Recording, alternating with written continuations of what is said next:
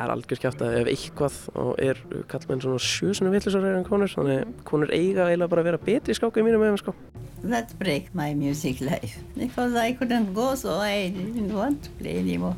I was so upsetted. Hann sagðist telja að fyrstu vélarnar sem yrðu sínilega greindari en mannfólk myndu í síðasta lagi byrtast árið 2029 og sérstæðan yrði orðin hlutur árið 2045. Í lastinni í dag, ungur stórmestar í skák, tónsmíðar 99 ára ethiopískrar nunnu og sérstæðan. Ég heiti Kristján Guðjónsson. Og ég heiti Lóabjörg Björnstóttir.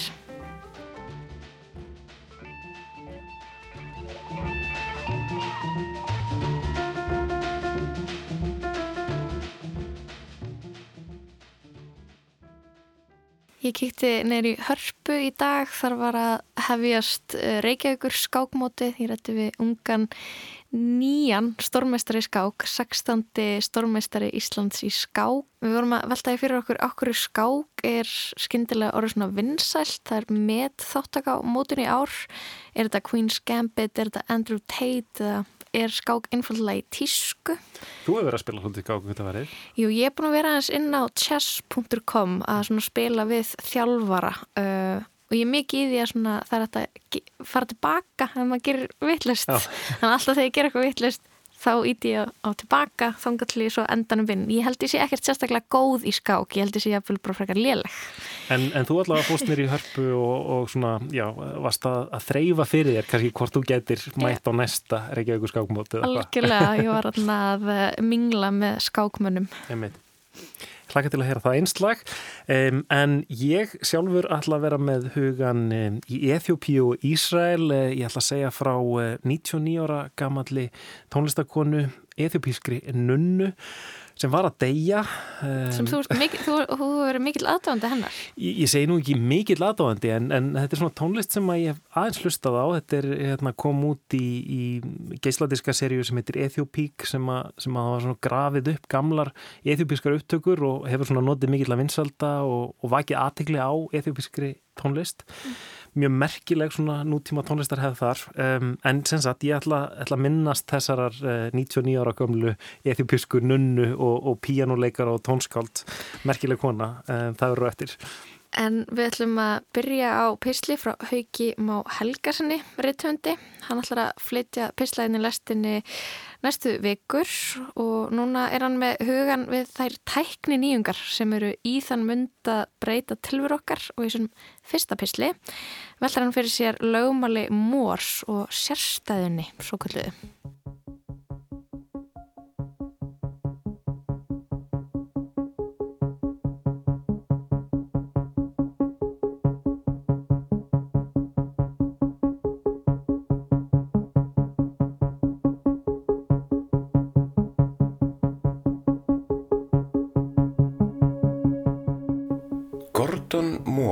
Hétt frumkvöðull í tölvu yðnaðinum, einn af stopnundum bandarska fyrirtækisins Intel sem er þekktast fyrir að framleiða örgjörfana í flestar enga tölvur heims.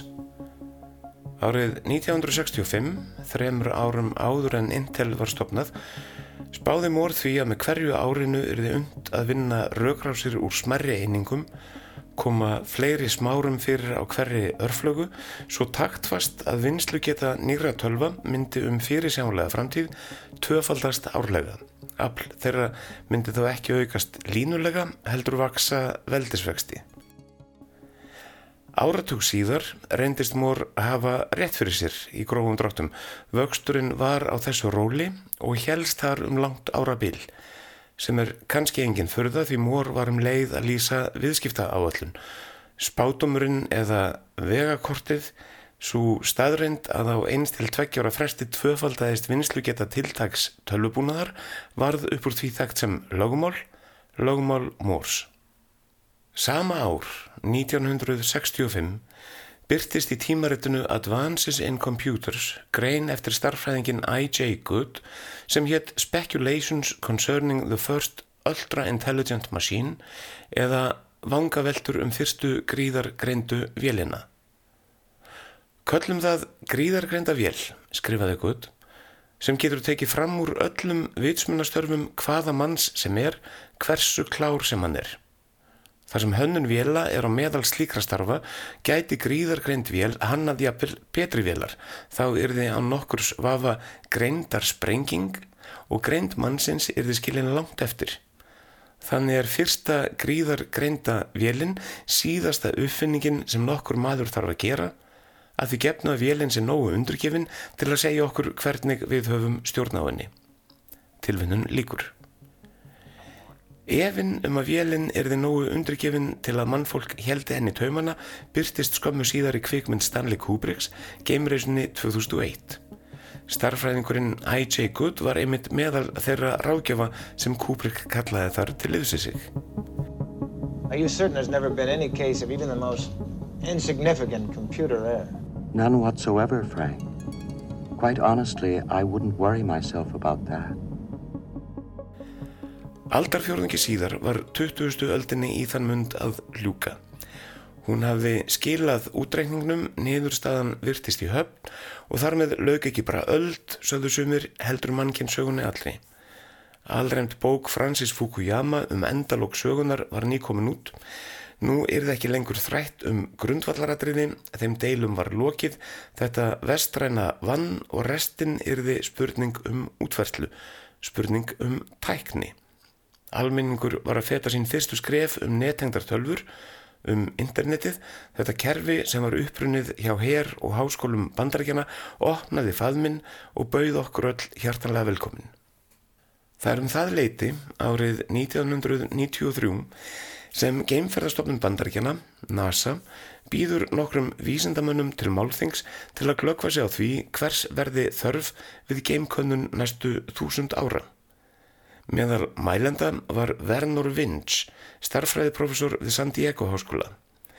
Vinch var eins og Fukuyama með hugan við endalók, en það var ekki alveg sami bjart sínistótn í hans tali. Erindi Vinch hétt The Coming Technological Singularity, How to Survive in the Post-Human Era, eða tækni sérstæðan framundan, hvernig lifa má af á tímaskeiði eftirmennskunar. Útdráttur erindisins hófst í íslenskri þýðingu á eftirfarandi orðum. Innan 30 ára munum við hafa tæknilega getu til að skapa ofur mennska greind. Stuttu síðar verður tímaskeiði mannsins lokið. Í erindinu vittnar Vinch í fyrrnemdan gutt og rítgerð hans um gríðargreindarvélar en skerpir á hugmyndin um rótæk tímamót með hugtækinu Technological Singularity, tækni sérstæðu eða einfallega sérstæðnu. Hugtaki sérstæða er hér fengið úr eðlisfræði. Dæmi um eðlisfræðilega sérstæðu eru svartól.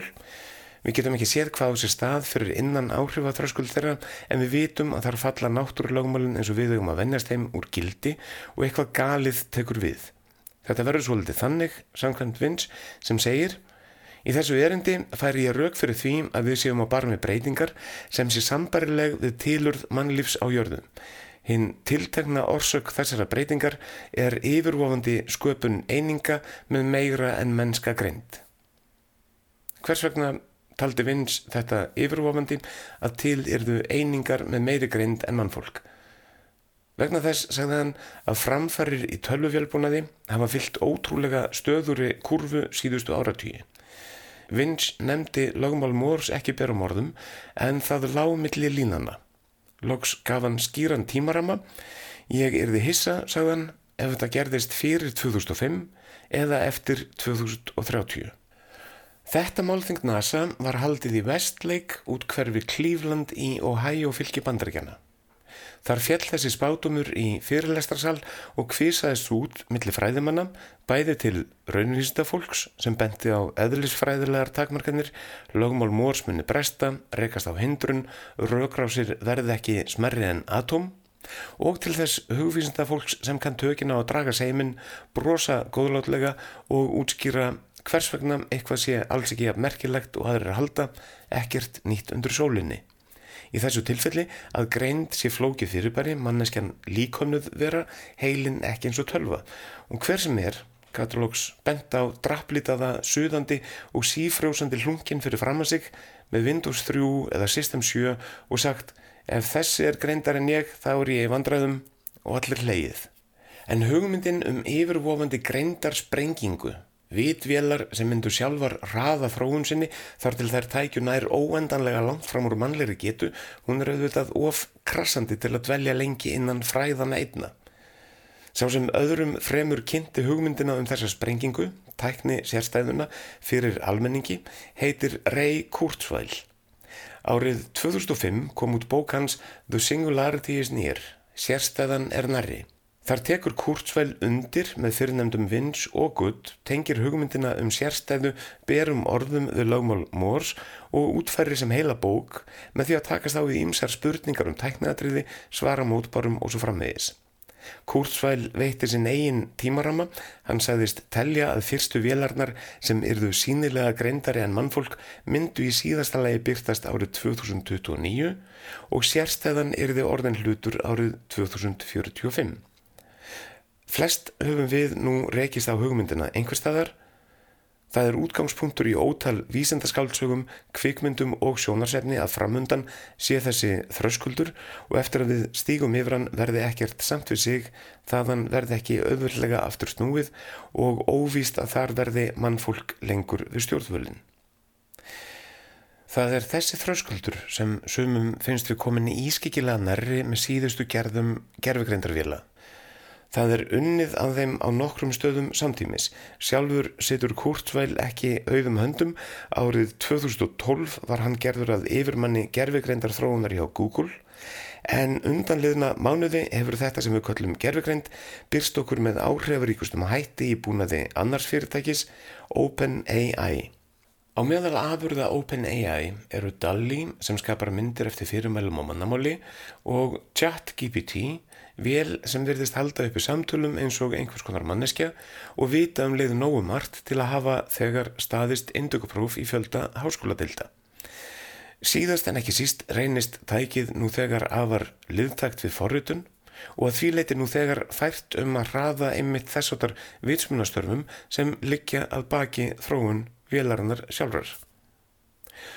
Gordon Moore, maðurinn sem lögmál Moores er kent við, dó nú á dögunum 24. mars 94 ára aðaldri.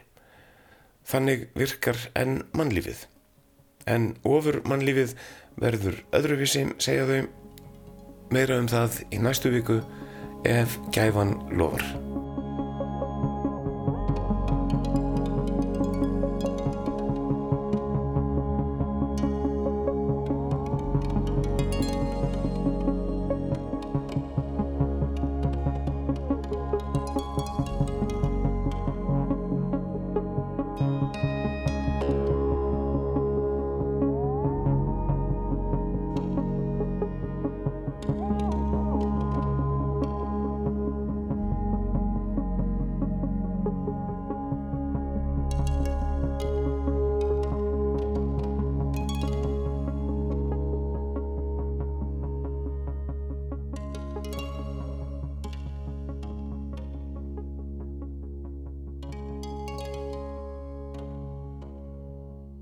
Haugur Már Helgarsson fjallaði um lögumál Mórs og sérstæðina.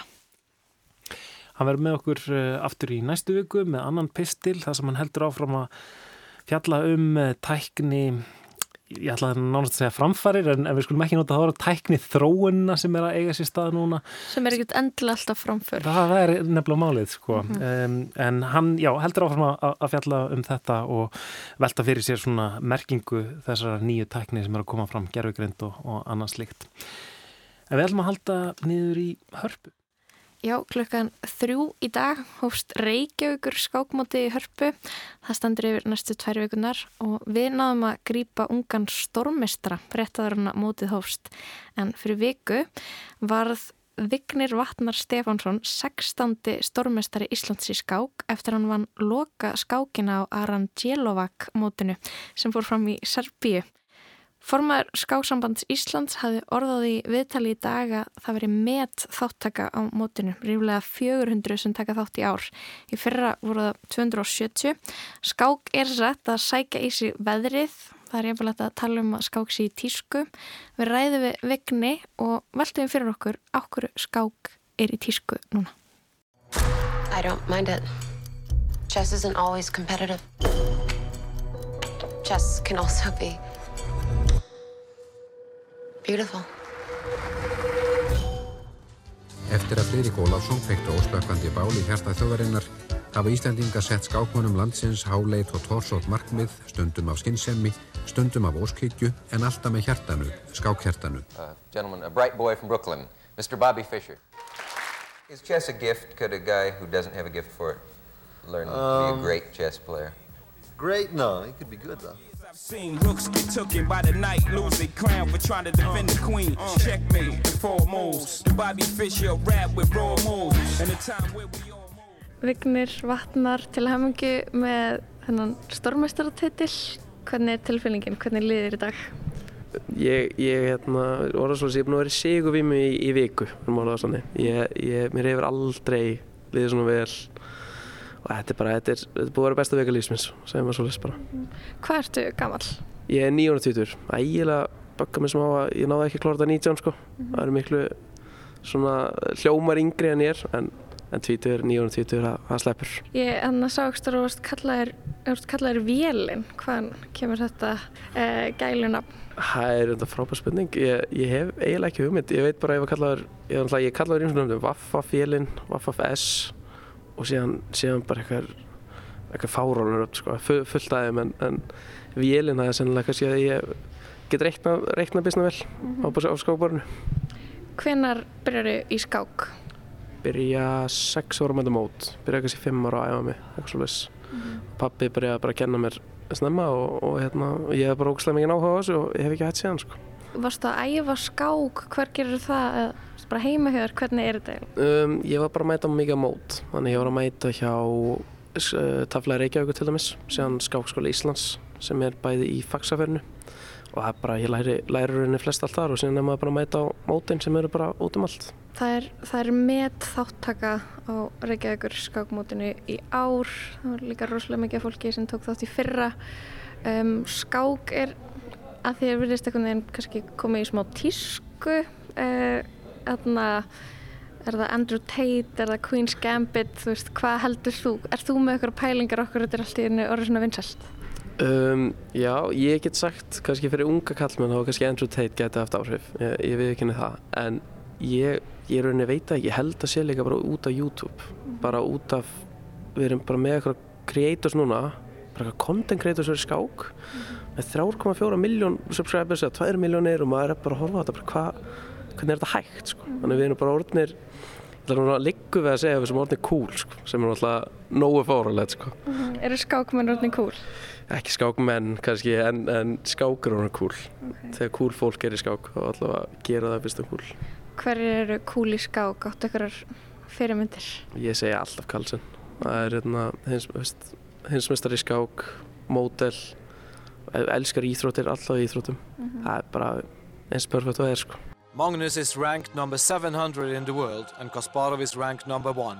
There are 28 years separating the two. This is an historic moment. Kasparov has never played against anyone this young. og uh, hann var náttúrulega heimsmeistari, nei sem sagt stórmeistari í skák þegar hann var 13 ára gamall sem að og var það sem við köllum undrabann sem að njóta alltaf nú mikill af vinselda en það sem er svo einstætt við hann að í staðin fyrir að rekast á einhvern vegg á leiðinni svo, svo ótrúlega mörg undrabann hafa gert og, og er að gera þessa stundina þá hefur hann einhvern veginn alltaf haldið áfram að að bæta sig og, og núna er hann, stendur hann upp í 23 ára gammal og búinn að vinna allt sem hægt er að vinna í skák.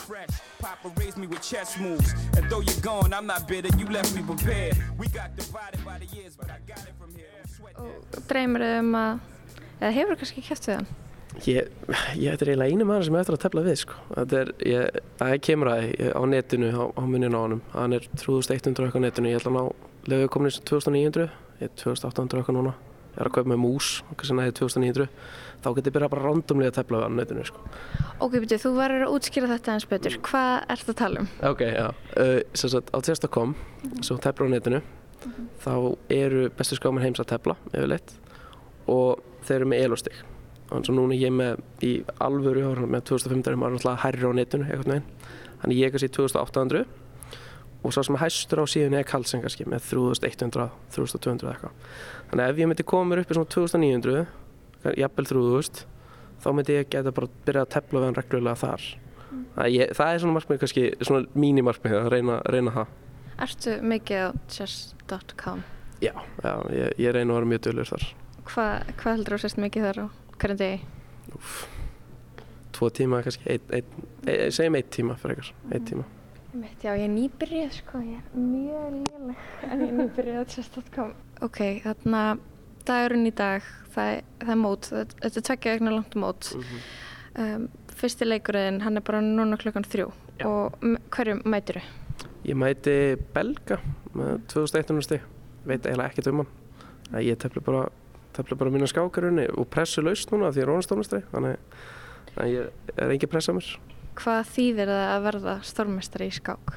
Já, uh, það þýðir að ég sem að hæsta tilin í skák. Uh, Þannig það er alveg saman gott að Karlsson sem miklu betur ég í skák sem hann er. Þá eru við saman sama titil. Uh, Ég er með sama titil og hann. Að ég er rauninni bara með hæsta titilinn og, og hérna og það er allavega ekki ennþá komin hærri titilin að þetta. Hvað, þú ert 16. stórmestarinn og þú ert þá komin á launaskrá hjá ríkinu, passa það? Já, það passar. Ég er enda að veit ekkert um það. Ég veit, ég, ég veit ekkert um það en, en hérna, Er enginn búinn að borga þér? Nei, ekki ennþá. ennþá. Ég, skal, ég skal vera viðtal þegar það er komið. Þú, þú veist ekkert um þetta launa fyrir komulega, veist ekkert hvað maður fá í laun? ekki hugmynd. Ég er bara njóta þess að tefla sko. Engir, engir orðrumar, engir búinn að vera að segja ykkur að tölu við þig? Ég er bara ekki að spurja sko. Mér, ég, peningar eru svo lítið á mínu hjarta að mér er eiginlega alveg sama. En þetta er svona eins og að vera listamannalaunum. Já, alveg örgulega. Skák er, getur verið flokka sem list, myndi ég segja. Stundum líður langt á millið þess að liti sé í augu skákiðunar sjassís og djúb þeirra rannsakað en hvert kvöld æfiminnar hef ég minnst hennar. Hvert kvöld hef ég þráð að sjá hana, mjúka, heita, olgandi, hamslausa. Einn ángur blíður tónn kallar fram í huga mér andvör fortíðar, harðan sannleika og kvöl. Augu anstæðinganna, full ormendingar og titrandi fingur þeirra meðan þeir núa flösuna úr horsverðinum niður á brettið og í svala nöttminni í sigur gleði. Skák, list eða íþrótt? Ég, hérna, ég ætla svona frekar að kalla þetta íþrótt. En Það er út af, þetta er, þetta er nefnilega alveg álag, sko. Þetta getur verið það út af tefli í sex tíma. Þú veist, og ein, ein, ein mistök og þú ertu bara búin að tapa skákin. Það er ekki, og þetta er alltaf allt þér að kenna. Og þú getur ekki kennið um öðrum um, þetta er alltaf þér að kenna sjálfum.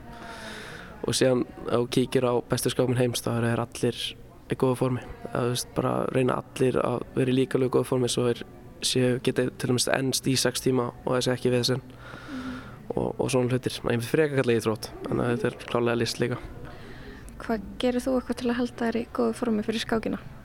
Já, ég stúdur að dæla, þannig ég er að læra skák daglega, byrjanir, endatöfl, eitthvað svo lis. Ég reynir bara að halda þessu svona, hvað, konsistant bara, þú veist, bara henni að vera á hverju minnsta degi. Hvað gerir fyrir utan skákina? Er, hver eru svona hinn áhugamáliðin? Uh, ræktin, alveg bóka, ég er mjög mikið þar og hérna, það er eiginlega bara besta sem ég gerir er að tapa skák eða eitthvað og drífi mig í ræktin og bara svona ekki glemt skákinni. En síðan er ég líka með mikið púl, ég, ég elska púl sko, ég er alveg með softspot fyrir það, softspot fyrir því að þeir eru íþrótt bara, það er alveg eðislegt. Röldum aðeins inn í sal, þannig að það er eitthvað svona farið á stað, þetta byrjar ekki fyrir en eftir 40 mínútur. Um, hvað er að fara að gerast hérna eftir 40 mínútur? Uh, 400 manns að fara að tefla, yfir 400 og margir af bestu stórmestum heims, allavega á topp 100 lista. Og síðan eru ykkur fullt af Íslandingum, fullt af útlendingum. Þetta er bara algjör vissla og telt í hörpu, það er eitthvað bara fáralegt, það er geggja sko. Kíkjum á þess að borðið þitt, þannig að þú ert búin að stilla upp. um, þú veist hverju þú mætir í dag og hvað gerist svo. Ef þú vinnur, þú, þú heldur alveg áfram. Ég er ekki að fara að segja þú sérst að fara að tapa, ég vil ekki jinxa neini, ég er ekki að fara að tala um tapa eða vinna en það skilur bara hvernig er, hvernig er þetta að fara að gerast. Ég, ég stefna allavega á að vinna, uh, byrja þar. Uh, síðan ef ég vinn þá mun ég fá hendarleika næða sterkara næstu og síðan ef ég vinn þá fæst sterkara næstu. Þannig ég ætla bara að halda árum að vinna, ég ætla að, segja, ég ætla að byrja þar bara og, og, og hérna, setjum alla fram í skákina bara. Þessi Vessel Van Kessel sem þú stóð frá að mæta, veistu, veistu eitthvað um hann? Hann er 29 ára og frá Belgíu og fínasti skákmaður verðist þér að en ég, hérna, ég veit ekki nógu mikið um hann þegar miður. kannski að tala eitthvað við hann eftir skákina bara, þeir eru búin að vinna hann. Mm Ertu þess að eitthvað svona að stúdra andstæðinga en að pæla í hvernig þeir spila annars? Já, já, það er mjög mikilvægt að kíkja á það. Ég er náttúrulega ekki að, ég er bara búin að vera upptekinn eða dag en ég er ekkert búin að geta kíkt á hann en fyrir hver einustu skákjær þá mun ég alltaf vera að kíkja á anstæðingin, hvað hann gerir gegn mínu byrjunum veist, og hverju hann leikur hér og það Mm -hmm. og reyna að fá góða stöðu byrjunni. Það er svona, það er stefna með því. Hvað við skák gera það verkum að þetta geti flokkast sem list? Hvað er það? Um, það er alveg sama hvað þú reynir, þú getur ekki telt sömu skátt við þessar. Það er bara ekki hægt. Þannig það er bara eftir fimm leiki með bámálum þá ertu komin upp í biljón bara möguleika. Mhm. Þannig það er alveg sama hverju að tefla, þú býrð alltaf til eitthvað nýtt. Það er kannski alltaf eins og listin, þú ert alltaf að búa til eitthvað nýtt og, og skilur eftir kannski þín svona þína leið í skákinni og hvað þú gerir og svona. Ég myndi segja að það líkist alltaf svona listinni. Við vorum aðeins að tala um Andrew Tate. Hann hefur eitthvað fylgst með honum, þessum manni? Já, Ok, er hann fyrirmynd? ég, ég, tek, ég, ég hef engar pólitíska skoðanir. Ok, uh, en hvað, hvers vegna er hann að peppa skák? Uh, pappans var sagt mjög sterkur skákmaður og hann kannski peppar skák með að þú veist, eins og við sagði á hann að þetta, þú gerir alltaf eitthvað mistök ef þú tapar, þá gerir þú mistökin og það er alltaf þér að kenna það getur ekki kent um öðrum Mhm. það er alltaf þér að kenna sem það er náttúrulega erfitt en það byggir mann alveg létt að að hafa svoleiðis ábyrð eitthvað með Mhm. Er þetta ekki eitthvað svona, maður verður klárari á því að tefla og er, er það ekki pælingin? Ögra sjálfum sér og reyna að vera klárari eitthvað svona og þá verður maður klárari í lífinu. Er, þú veist, er skák þannig? Skák getur alveg hjálpað með lífið, myndi ég segja. Það er alveg, alveg bókað, sko. Til og meins, ég meina, hvort heldur þú að ef þú er tíu mynda pásaugustar, hvort heldur þú sé betur að fara í leik í símanuðunum eða fara að tepla. Ég myndi alltaf halda að tepla, bara út af, þú ert að hugsa og notur aukugsun.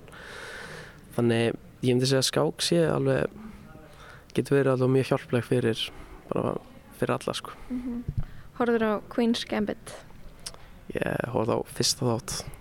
og hvað? síðan sopnaði ég setna þettunum og hann var ekki, hann var ekki í það. Og þú helst ekkert áfram og finnst þér, hvað finnst þér um þess að þætti? Þetta, þetta er náttúrulega góð þettir, hef ég heyrt. Alltaf fyrst þáttunum var mjög ánæður en síðan bara ég horfi eiginlega ekkert á Netflix, ég horfi ekki á neitt svona, ég er bara, ég fæði svona ef ég er, ef ég er á TikTok eða eitthvað, ég á ekki TikTok nættar, ef ég er að horfa okkur Reels eða eitthvað, það er bara svona, æ, nei, nei, fara, fara að stúdra, fara að tepla, fara að gera eitthvað, Mhm. svo ég skiptir eitthvað máli. Tekur ykkur tímann skák við ykkur á vinnina sem kunna bara manngangin? Er það í búði? Það er í búið þegar hérna, við dættum í góða stemningu sko. Ég á fullt af vinnur sem er að tefla alveg, alveg hellingur og eru bara áhuga menn sko. og það er, mér finnst það alveg bara geggja þeir konum áhuga fyrir þessu og mér finnst það algjör snilt og það er alveg sjálfsagt ef, ef ég er með þeim einhver staðar og það er skápar þá tek ég eitthvað skáki við það það er alveg, alveg bókað sko. Þú veist ekki að rústa þeim? Jú Ok. ég fer ekki að sleppa því Það þú leifir engum að vinna? Nei, það er enga líkur á því ég gera það ekki sko. Þeir félagar hitta stundum eða oft og taka nokkra brandóttar en sér í lagi þegar olimpíumót standa fyrir dyrum leggjast þeir undir feld og stúdera það nýjasta í skákfræðunum. Afbreyði, hugdettur eða mótaðar hugmyndir eru skoðaðar niður í kjölinn. Jafnvel einstaka anstæðingar eru kröfðir til merkjar og fátt eitt látt sér áðast af tilvíðjunum. Er þetta aðalega kallmenn sem er að keppa í dag eða stór meirhluti? Um, það er alltaf meiri hluti því miður en ég get sagt það að hvernarskák er stóru upplið sem betur fyrir rauninni, minnst alveg bara þá að vera þannig. Mhm. mm ég, er, ég er mjög bjart síðan allavega fyrir framtíðina að þegja alltaf eftir að horfa mikið meira að hvernmennum og svona í, í, í sportinu. En þetta er þetta þú veist eins og kannski einum ræða fólk, fólk heldur eitthvað meginn að, að konur var eitthvað verður kallar í skák sem bara er algjör kjátt að ef eitthvað og er kallmenn svona sjösunum villisar en konur þannig konur eiga eiginlega bara að vera betri í skáku í mínum meginn sko allavega raukvöksun er þeirra meginn en ekki, ekki okkur Ok, ok. Þetta er áhugaður pæling. Ok, ég verður samt að spyrja þig. Mm. Ok, við erum að tala um Andrew Tate, hann er náttúrulega mjög umdildur, um, tengdist einhverju mannsalsmáli. Þú segir eitthvað, ég er ekki pólitískur, hvað, hvaða jarðsprengjusvæðina, hvað, maður ekki að segja? Ég, hérna, það er allir sinn hlut í samfélaginu og maður getur tekið góðu hlutuna frá Andrew Tate til dæmis að fara í rækt að vinna í sjálfum sér og allt þetta. Er- En, en það er samt ekki hægt að gleyma því, sko, hvað hann er með eitthvað frekar crazy pælingar um, um konur og eitthvað, Ég- eða það ekki? Ég, ég veit það ekki, ég, ég hlust ekki á svoleið sko. Ok. Ég, ég tek bara góða hlutuna. Ok, þannig að þú fylgist með honum. Það er ekki hægt að ekki fylgjast með honum, það er, er fræðast maður heims. Hvar, bara á YouTube þá eða? Ég veit það ekki, bara einhver staðar. Ég, ég er bara að tefla sko. Þú ert bara að tefla, ok. Þannig að ég skal sleppa þér, ég ætla ekki að fara að yfirheyra þig. Þú ert komið með þína tvo nokkóa. Já. Um, Minnastu það, þegar mér endilega að sponsora mig, ég er alveg að vera að geða ykkur að kaupa þetta sko. Þú óskar eftir kassa af nokkó. Gangið vel, Takk, góða skemmtun Takk hérlega. og bara gaman að spila við þig.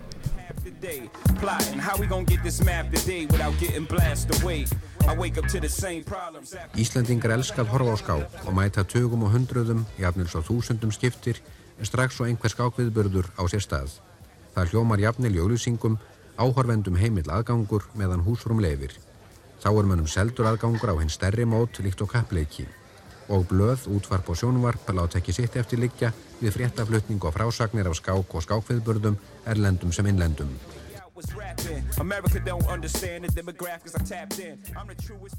As a grandmaster in Iceland, yeah, yeah. according to law, you are entitled to a salary. and every Icelandic grandmaster in chess, they are paying their, they've been paid salaries, provided that uh, you do some teaching in chess, Oh, no, or even no, I- possibly play for Iceland. And you No, I hate chess very much. No, I, I, I don't need the money. No, I don't need Okay. it. I'll, I'll wait. I'll skip it. so you're not. I hate chess. I hate chess. Really. You hate chess? Yeah. Rolling, dropped the price of the coke in. Drove the competition out and let the dough flow in. The cops is closing in. I could do the time, but what's really on my mind ain't no holes in the pen. I play the low end. Try to make it hard to find me. Feds still trying to build the case since 93. I told them I'm retired, but they like whatever. You know them pigs don't want to see you get your life together. I'm stuck in this life forever. The more things change, the more they stay the same. Who am I to change the game? Gotta move quick like heroin and cocaine. The block's hotter than it's ever been. Once hold the gun eye level. I ain't afraid of conflict. I let the nine rip nigga say hi to the devil. I blind with the bezel. I'm in line with the ghetto. What y'all niggas afraid of? My mind or the metal? Niggas trying to subtract my life. My mathematics is precise. I carry the nine, so fucking with me just ain't the answer. I just can't lose. When I was young, I was like fresh. Papa raised me with chess moves. And though you're gone, I'm not bitter. You left me prepared. We got divided by the years, but I got it from here. Don't sweat that. A sounds bump from Marcy to left rack to that project in DC where my man caught his death at. Over my years, I've seen rooks get taken by the night, lose their crown for trying to defend the queen. Checkmate in four moves. The Bobby Fischer rap with raw moves. And the time where we all move. Let's face it, either your dough chasing a basin, lacing. Cracks got you feeling strong like Mason. Careful, any infiltration. I'm leaving niggas leaking more than just information. Stuck in this life forever. The more things change, the more they stay the same. Who am I to change the game? Gotta move quick like heroin and cocaine. The block's hotter than it's ever been. Once again, stuck in this life forever. The more things change, the more they stay the same. Who am I to change the game? Gotta move quick like heroin and cocaine. The block's hotter than it's ever been. Uh, real shit, huh? The Black Gangster. Black Hand Entertainment. Rockefeller. Will never interrupt this thing of ours. Uh, the Black Gangster. Jigger. Over. Roll with me now. Það er lagið This Life Forever með bandarskarapparanum Jay-Z. Þetta er eitt af fáum lögum sem að innihalda skákvísanir í textanum. Ó, en merkilegt. Mhm. Ég hefði haldið að einhver væri að nota það. M- Meira, en já. Já. það er alveg ykkur lög sko, en, en mér leist best á þetta. Ég man eftir einhverjum svona Wu-Tang klanlögum Já, sem að, það það sem að er svona verið að tala um bardagalistir og skák. Mhm. Skák er náttúrulega stríð. Um, þarna, og svo heyrðust líka broti í þessu einslægi úr þarna, sjónvastætti frá árinu 1987 það var þáttur um skák þátturinn manntafl. Það voru alls konar ljóðrannar lýsingar á þessari íþrótt eða þessu listformi skákinni. Þulurinn Ævar Kjartansson var, að, að tala inn á milli mér er svolítið skemmtilegt að, klippa hann inn en já, ég var að ræða við hann Vigni Vatnar Stefansson nýjan stórmestara í skák um skák og af hverju það er eitthvað svo vinsælt núna. En um, frá Reykjavíkur skákmótinu ætlum við að halda til Ísrael.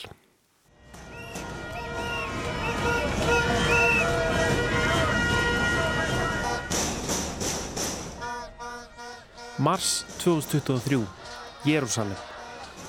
Stærstu mótmæli í sögu Ísraels, hundruðir þúsunda halda át á götur til að mótmæla. Ríkistjórn Benjamins Netanyahu, ríkistjórn sem rekur einhverja mestu harlínu stefnu frá stopnun ríkisins, allar að gera breytingar á dómskerfinu. Mótmælendur segja breytingarnar vera ógn við líðræði í landinu. Á sama tíma verður annar atbyrður, atbyrður sem vekur minni aðtegli enda öllu hverstagslegri. Kona dregur sinn síðasta andadrátt. 99 ára gömul kona sopnar svefninum langa.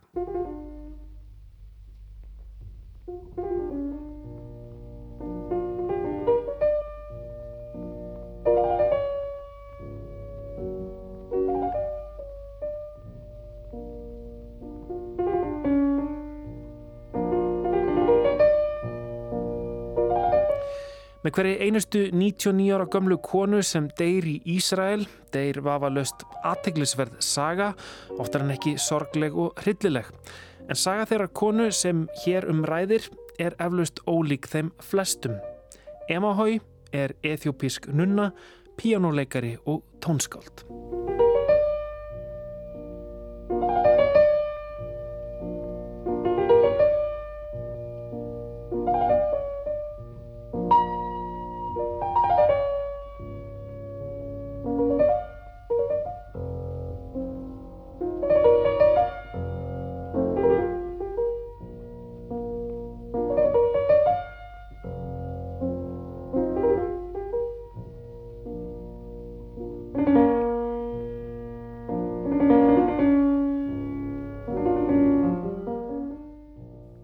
Emahoi Tseku Mariam Gibru var fætt árið 1923 inn í efstu lög ethiopísk samfélags af þjóðabróti Amhara fólksins sem stýrði landinu. Dóttir 78 ára gamals diplomata og fyrrum aðstóðar forsetta landsins. Eins og þótti flott meðal elitunar í nattræna söðrinu var hún sendt ung í heimavistaskóla í Evrópu frá 6 til 11 ára aldurs, bjó hún og lærði í Sviss og þar kynntist hún vestrætni klassískri tónlist og byrjaði að stúdera Bach, Brahms, Beethoven og svo framvegis. Það var á fjórða áratögnum sem að Benito Mussolini ákvaða að ráðast inn í Eþjópíu með það að markmiði að gera þetta risastóra keisaradæmi að nýlendu. Ítalski herin réðist inn í landið með efnavopnum og fordama lausri grimd en hafði þó ekki erindi sem erfiði. Eþjópía varð áfram sjálfstætt, eina Afrikulandið sem aldrei varðað nýlendu evróskra þjóða. Stríðið hafði hins vegar mikil áhrif á Emahói, fjölskyldumæðlimir voru drefnir og hún sjálf tekin höndum á samt restinni af fjölskyldunni og sendt til lítillar eigu í námunda við Sardiníu. Að stríði loknu kom hún heim og fór fljótlega að vekja aðtekli fyrir tónlistarhæfileika sína og fá að það framkomu. Hún leik á piano, fiðlu og söng ítölsk sönglög, var jafnvík á ethiopíska þjóðlagahefð og klassíska vestræna tónlist. Hún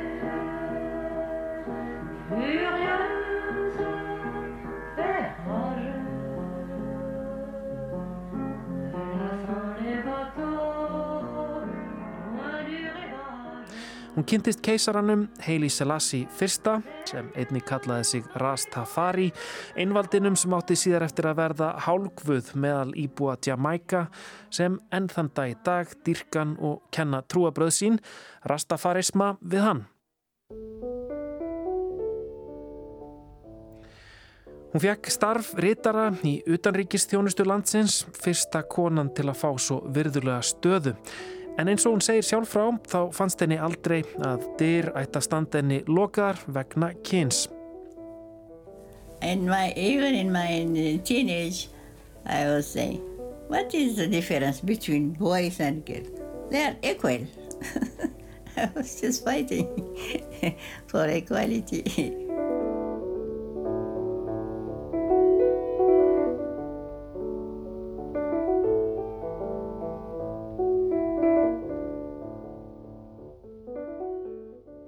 Sjötti og sjöndi áratugurinn var blóma tími í höfuborg Eþjópíu, Addis Ababa, það var Is og Þis og Bjart síni ríktið, þetta var lífleg og vaksandi stórborg. Og tónlistarlífið var grósku mikið. Lúðrar höfðu verið keiftir og mönnum skipað að læra að spila. Nánast hver einasta stopnun keisaradæmisins var með sína eigin stórsveit, lögregla, her og lífvarða lið. Upp úr þessu var til einstakur tónlistarbræðingur, jazz, sveibla, afrísk áhrif og síðar með Mulatu Astatke, Heilu Margia og Mahmoud Ahmed og fleirum komu funk, rock og latin áhrif inn í mixið.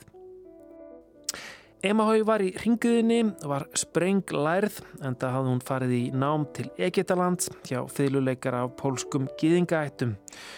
Hún fekk bóðum að halda til frekara náms í virtum skóla í Breitlandi en af einhverjum óþægtum ástæðum gekk það ekki upp.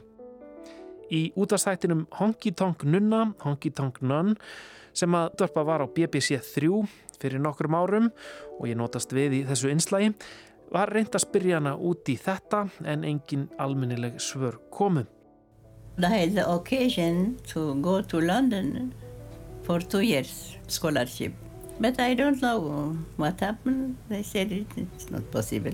So that break my music life because I couldn't go, so I didn't want to play anymore. I was so upset. Yeah. Very upset.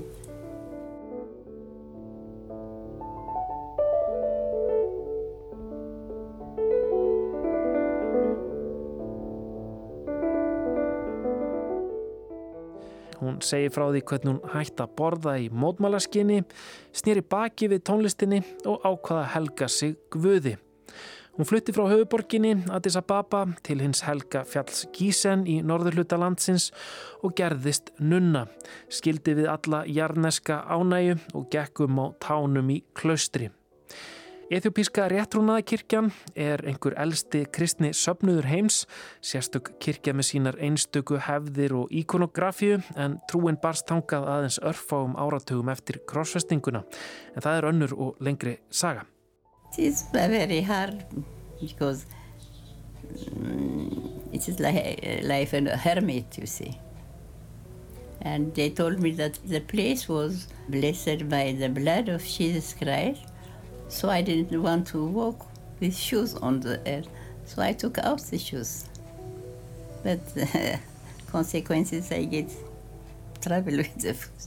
So I made 10 years. 10 years with no shoes? No shoes, no nothing, church, only church and prayer. Eftir áratug í klaustrinu var Emma Hói sannfærð af sýsturinnar um að snúa aftur til tónlistarinnar, gera tónlist við leikverk sem hún hafi samið. Hún let til leiðast og leik undir í síningunni.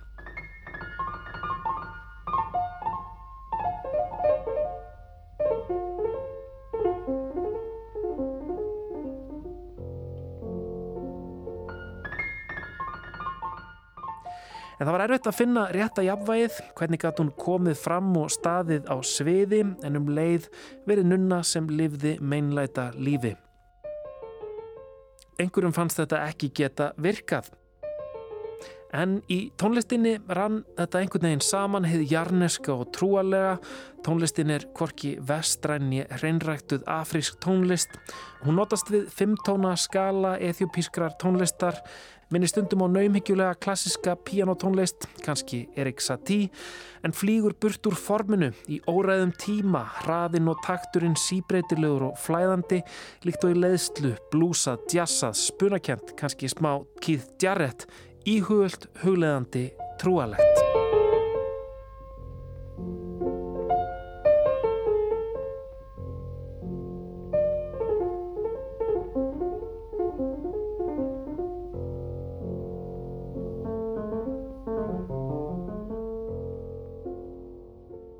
Með sérstöku leifi keisarans ferðaðist Emohoi til Þýskalands á sjönda áratögnum og tók upp plötu. Þetta voru naumhyggjulegar upptekur af einmanna pianói með lagatillum eins og heimilislaus flakkari og heimþrá. Árið 1974 var gert valdarán í Eþjópíu. Herfóringjar undir merkjum Marx-Leninisma tóku völdin af keisaranum Heili Selassie sem var gjörspiltur og algjörlega úr tengslum við veruleikan. En síðan kom á daginn að þessir kommunísku herfóringjar voru ekki minna spiltir en keisarinn sjálfur, ótrúlegt en satt.